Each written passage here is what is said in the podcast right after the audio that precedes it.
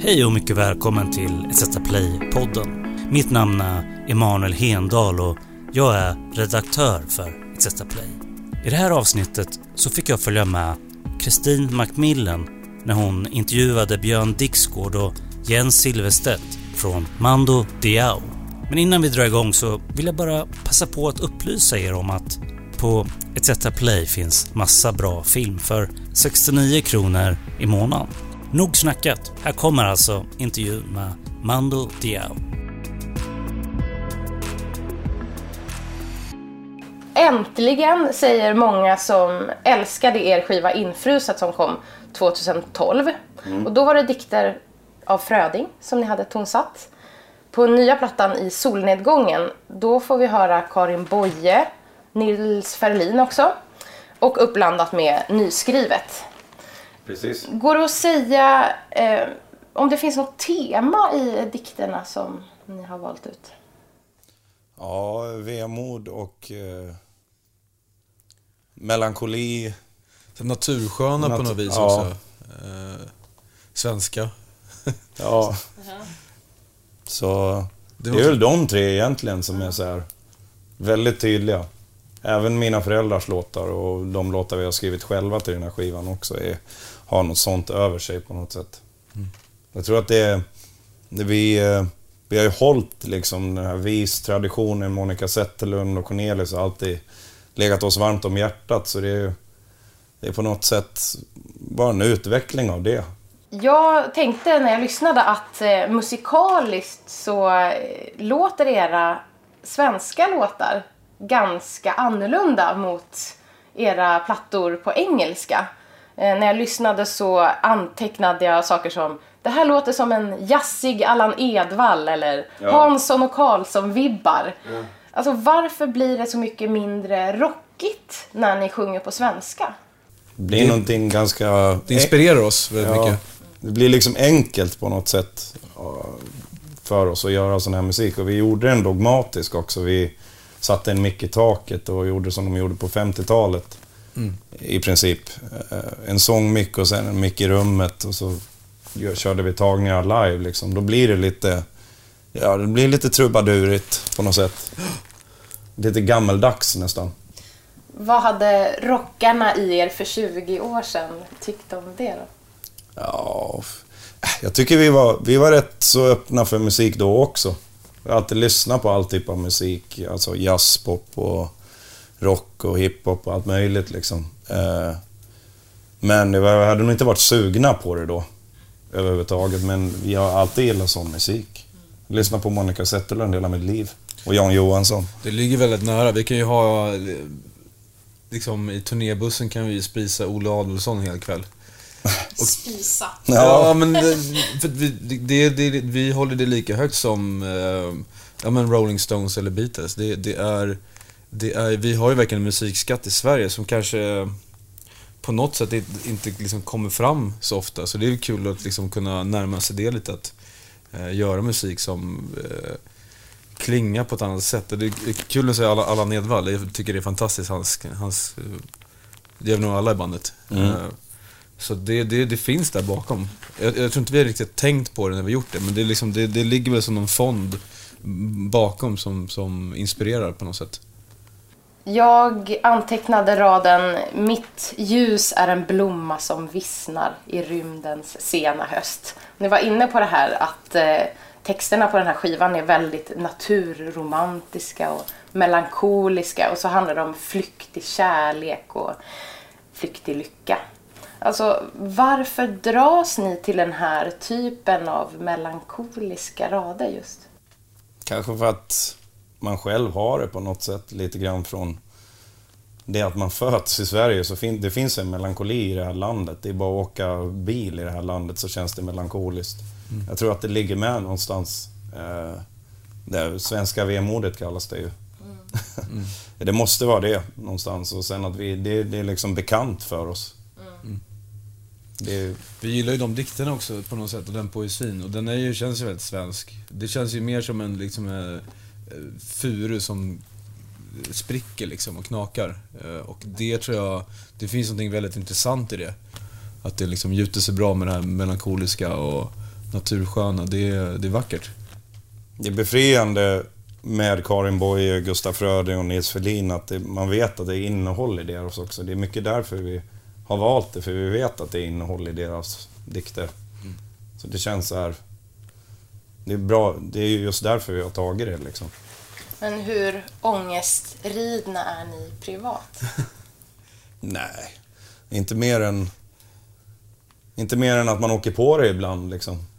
Men det är inte drivet i oss. Drivet i oss är ju kreativiteten. Så, Och det är ju mer glädjestyrt skulle jag säga. Eh, Men alltså vi använder ju musiken terapeutiskt. Det har jag alltid gjort. På vilket sätt då? Ja, men bara skriva, alltså bland det roligaste och bästa jag vet när jag mår som bäst är ju när vi har gjort en ny låt. Jag känner också det, men jag- jag kan må... Det kan bli liksom en filt på ens humör. Och då kan jag förstå, nu har inte jag varit i studion eller inte träffat Björn på en vecka eller två och skapat någonting. Då mår man, liksom, vi är ju vana att ha den boosten och det är ju... Den är liksom gratis för oss. Ja. Och det finns ingenting som kan liksom riktigt konkurrera på det där i den kreativa världen i alla fall. Det, det är så jäkla befriande och eh, upplyftande på något sätt, som Björn sa. Man, man kommer in i studion eller eh, om vi drar iväg någonstans så har man ingenting och så kommer man därifrån med fem nya låtar. Det är liksom en fantastisk känsla. in er fanpage på Facebook och då såg jag att personer med namn som Inger och Yvonne blev väldigt glada över att ni ska ge ut ännu en platta på, med tonsatta svenska dikter. Och en gammal svensklärare tackade er. Eh, Oj. för att det här kan få ungdomen att upptäcka svensk poesi. Alltså varför blir den här gruppen, lite äldre lyssnare som Inger och Yvonne, så himla glada när ni besjunger svensk poesi, tror ni? Jag tror att det är för att liksom... eh, Ja, dels är ju deras hjältar säkert Karin Boye, Nils Ferlin och Gustaf Fröding. Det märkte vi när vi släppte Fröding-skivan att det var... Ja, förra skivan då helt enkelt på svenska, Infruset. Att det var... Ja, han är liksom Michael Jackson på 80-talet fast för dem nu liksom. Så det är, De är idoler i sig, de där diktarna. Så... eh, Dels är det väl det, sen så... Musiken är softare kanske, jag har ingen riktigt bra förklaring. Vi var förvånade att det blev så pass mycket äldre, att vi vidgade vårt spann så pass mycket. Så det, det var ingen djävulusisk plan från vårt håll, det var mer att det bara, oj, det blev så liksom. Har legat i nu det här senaste året. I höstas så släppte ni albumet Bang. Och bara ett halvår senare nu så kommer ännu en platta som ni dessutom spelade in på fyra dagar. Eh, är ni Sveriges mest högpresterande rockare? Ja, det måste vi nog vara tror jag. Jag, jag har aldrig hört någon säga det, men eh, vi går inte runt och tänker det heller, men... Alltså... Vi vill ju släppa den musik vi har hela tiden. Det är inte svårare än så. Vi vill inte sitta och trycka på saker i onödan. Eller vänta ut. Det är, vissa låtar har ju tyvärr försvunnit för att vi har suttit och tryckt på dem lite. Nu sa jag emot mig själv där, men det är inte så många. De flesta släpper vi ut faktiskt. Så det är väl mer så att vi, vi älskar att vara produktiva. Jag älskar att ses uppe i studion vi hänger i i Borlänge och spela in. Och då blir det ju att vi gör mycket. Och sen den här nya inspel, dogmatiska inspelningstekniken gör att det blir jävligt... Det går snabbt liksom. Det ni sjunger på den här nya plattan är, det är på många sätt eh, klassiskt och finstämt och romantiskt. Samtidigt så har det påpekats att hiphop alltid har varit en ingrediens i er attityd. Stämmer det fortfarande, tycker ni? Nej, Jag vet inte om det är så mycket i attityden egentligen. Eh, jag kommer ju från Borlänge och inte Bronx liksom.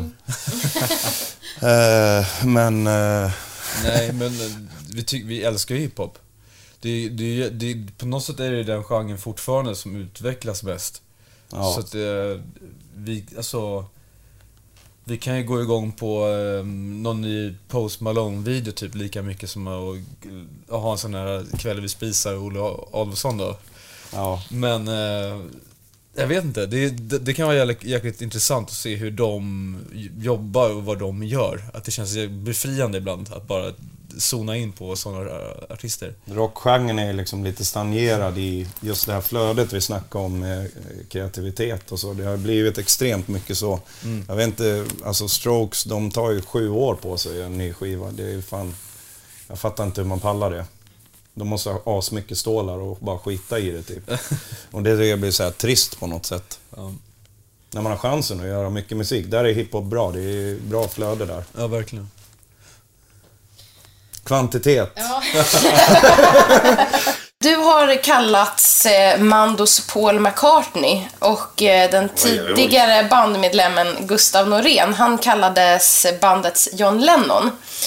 Eh, och det skrevs ju för många år sedan eh, mycket om hans avhopp och mera meningsskiljaktigheter. Kan ni sakna honom på något sätt? Eh, nej, bara, bara den tiden då vi slog igenom i princip. För då hade vi så bra kemi och så bra pepp ihop. Så den tycker jag var viktig för mig personligen. Att vi liksom hade drivet ihop. Sen mot slutet blev det mer och mer separerat så det är svårt att sakna det för det var inte så mycket samarbete. Och extremt olika i vad vi ville göra så då... Det är svårt att sakna det liksom. Men hur har ert, eh, kon, er konstnärliga riktning påverkats av hans avhopp, skulle ni säga? Hans avhopp... Eh, jag vet inte om det... Alltså det som har påverkat oss är ju vad vi har fått för band nu, tycker jag. Och vad vi gör ihop och liksom den kreativiteten vi har hittat ihop. Den, den känns helt ny för mig att kunna jobba på det sättet vi gör nu och ha det liksom enorma kreativa friheten vi har och att vi testar allt och sådär liksom. Vi, vi går ju inte runt och det är nästan så att vi inte vill spela gamla låtar. Alltså vi är ju så jävla sugna på vad vi har framför oss hela tiden, som vi sa med allt nytt material. Så att det är ju, vi lever verkligen inte i det förgångna som band eller som eh, låtskrivare och musiker. Det är, det är väl framåtandan som jag känner att vi har just nu som är jäkligt intressant och häftig. Vi är inte så sugna på att vara unga, även om det var kul så vi vill inte tillbaka till något som Jens sa liksom. Vi vill framåt. Hur är det att eh, åldras som eh, svensk rockare? Jag vet inte, vi börjar ju med det nu så lite sakta men säkert. Men då gör man väl en, en skiva på svenska och tonsätter dikter då? Just det. Av gamla döda poeter. ja, precis. Musik är ju grymt på det sättet. Det kan aldrig bli liksom gammalt. Så. Nej. Det kan kännas gammalt ibland när man lyssnar på sånt man inte vibbar på längre men Mm. det finns alltid något nytt runt hörnet. Det är det som är så grymt med musiken. Den är jävligt nyfiken och den vill framåt. Eh, och det är där vi lägger vårt fokus, inte på att det kommer liksom gråa hår i tidningarna. Mänskligheten har ju så här fascination för eh, unga, talangfulla människor. Typ så här. Jo men det var, jag såg en, eh, en Bill Withers dokumentär och så då, då klippte de in när när Michael sjunger Ain't No Sunshine.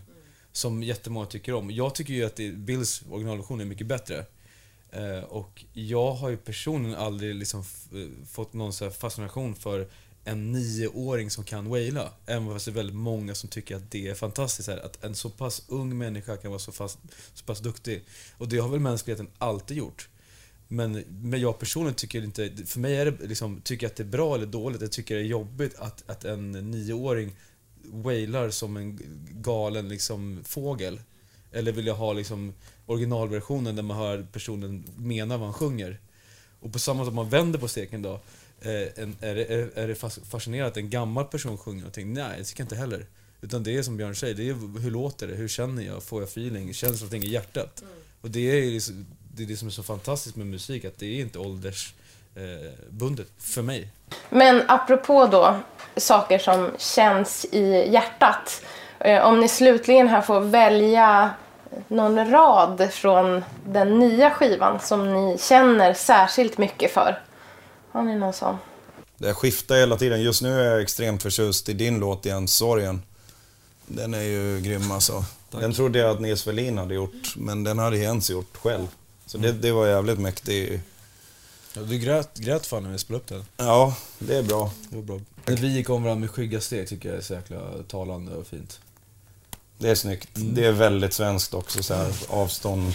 Men det är så fint det där, det, vår sociala struktur, hur laddat det kan vara, man kan känna igen sig i relationer. Ja, det, den tycker jag är en av de vassaste raderna. Och Själens skrubbsår som titel och som beskrivning är grymt. Mm. Men det är ju mamma och pappa det, så det, tack för det. När skrev de den? Typ tre år sedan. De har skrivit låtar i princip bara för sitt eget välbefinnande. Inga baktankar med att det ska bli Max Martin-hits liksom, utan bara hemma. Och så blev det första singeln. Ja, jävligt, jävligt kul. Är de glada? Kan man lugnt säga. Tack Kristin Macmillan och tack Björn Dixgård och Jens Silvestedt. På återhörande.